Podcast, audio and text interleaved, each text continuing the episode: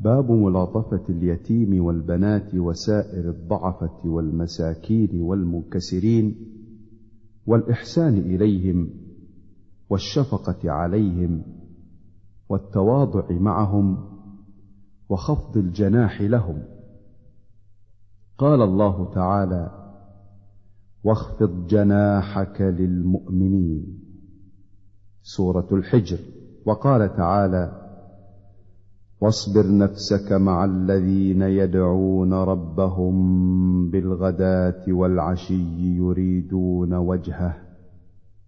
ولا تعد عيناك عنهم تريد زينة الحياة الدنيا. سورة الكهف. وقال تعالى فاما اليتيم فلا تقهر وأما السائل فلا تنهر. سورة الضحى. وقال تعالى أرأيت الذي يكذب بالدين فذلك الذي يدع اليتيم ولا يحض على طعام المسكين. سورة الماعون. وعن سعد بن أبي وقاص رضي الله عنه قال كنا مع النبي صلى الله عليه وسلم ستة نفر فقال المشركون للنبي صلى الله عليه وسلم اطرد هؤلاء لا يجترئون علينا. وكنت أنا وابن مسعود ورجل من هذيل وبلال ورجلان لست أسميهما. فوقع في نفس رسول الله صلى الله عليه وسلم ما شاء الله أن يقع فحدث نفسه فأنزل الله تعالى ولا تطرد الذين يدعون ربهم بالغداة والعشي يريدون وجهه سورة الأنعام رواه مسلم. وعن أبي هبيرة عائذ بن عمرو المزني وهو من أهل بيعة الرضوان رضي الله عنه أن أبا سفيان أتى على سلمان وصهيب وبلال في نفر فقالوا ما أخذت سيوف الله من عدو الله مأخذها؟ فقال أبو بكر رضي الله عنه أتقولون هذا لشيخ قريش وسيدهم؟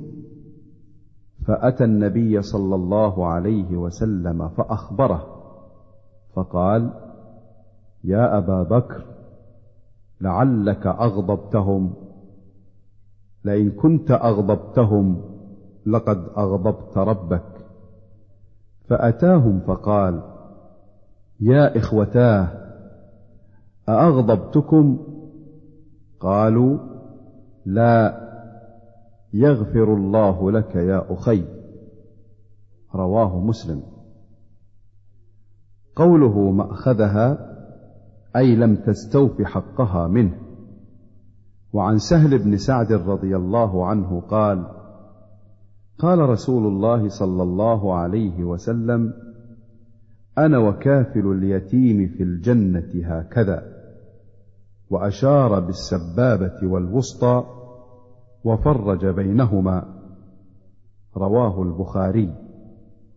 وكافل اليتيم القائم بأموره. وعن أبي هريرة رضي الله عنه قال قال رسول الله صلى الله عليه وسلم كافل اليتيم له أو لغيره أنا وهو كهاتين في الجنة. وأشار الراوي وهو مالك بن أنس بالسبابة والوسطى. رواه مسلم. وقوله صلى الله عليه وسلم اليتيم له أو لغيره معناه قريبه أو الأجنبي منه. فالقريب مثل أن تكفله أمه أو جده أو أخوه أو غيرهم من قرابته والله أعلم. وعنه قال قال رسول الله صلى الله عليه وسلم ليس المسكين الذي ترده التمرة والتمرتان ولا اللقمة واللقمتان إنما المسكين الذي يتعفف. متفق عليه.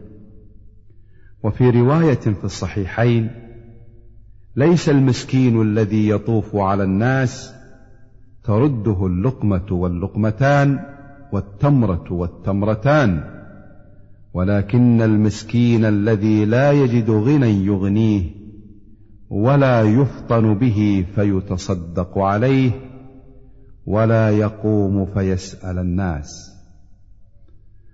وعنه عن النبي صلى الله عليه وسلم الساعي على الأرملة والمسكين كالمجاهد في سبيل الله وأحسبه قال وكالقائم الذي لا يفتر وكالصائم الذي لا يفطر متفق عليه.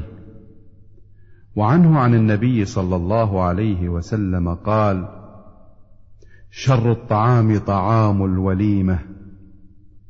يمنعها من يأتيها ويدعى إليها من يأباها ومن لم يجب الدعوة فقد عصى الله ورسوله. رواه مسلم. وفي رواية في الصحيحين عن أبي هريرة من قوله بئس الطعام طعام الوليمة يدعى إليها الأغنياء ويترك الفقراء. وعن أنس رضي الله عنه عن النبي صلى الله عليه وسلم قال من عال جاريتين حتى تبلغا جاء يوم القيامة أنا وهو كهاتين وضم أصابعه. رواه مسلم. جاريتين أي بنتين. وعن عائشة رضي الله عنها قالت دخلت علي امرأة ومعها ابنتان لها تسأل فلم تجد عندي شيئا غير تمرة واحدة فأعطيتها إياها فقسمتها بين ابنتيها ولم تأكل منها. ثم قامت فخرجت. فدخل النبي صلى الله عليه وسلم علينا فأخبرته فقال من ابتلي من هذه البنات بشيء فأحسن إليهن كن له سترا من النار. متفق عليه. وعن عائشة رضي الله عنها قالت جاءتني مسكينة تحمل ابنتين لها فأطعمتها ثلاث تمرات فأعطت كل واحدة منهما تمرة ورفعت إلى فيها تمرة لتأكلها فاستطعمتها ابنتاها فشقت التمرة التي كانت تريد أن تأكلها بينهما فأعجبني شأنها. فذكرت الذي صنعت لرسول الله صلى الله عليه وسلم فقال إن الله قد أوجب لها بها الجنة أو أعتقها بها من النار. رواه مسلم. وعن أبي شريح خويلد بن عمرو الخزاعي رضي الله عنه قال قال النبي صلى الله عليه وسلم اللهم إني أحرج حق الضعيفين اليتيم والمرأة. حديث حسن رواه النسائي بإسناد جيد. ومعنى أحرج ألحق الحرج وهو الإثم بمن ضيع حقهما. وأحذر من ذلك تحذيرا بليغا وأزجر عنه زجرا اكيدا. وعن مصعب بن سعد بن أبي وقاص رضي الله عنهما قال رأى سعد أن له فضلا على من دونه فقال النبي صلى الله عليه وسلم هل تنصرون وترزقون إلا بضعفائكم؟ رواه البخاري. هكذا مرسلا فإن مصعب بن سعد تابعي. ورواه الحافظ أبو بكر البرقاني في صحيحه متصلا عن مصعب عن أبيه رضي الله عنه. وعن أبي الدرداء عويمر رضي الله عنه قال سمعت رسول الله صلى الله عليه وسلم يقول ابغوني الضعفاء فإنما تنصرون وترزقون بضعفائكم. رواه أبو داود بإسناد جيد.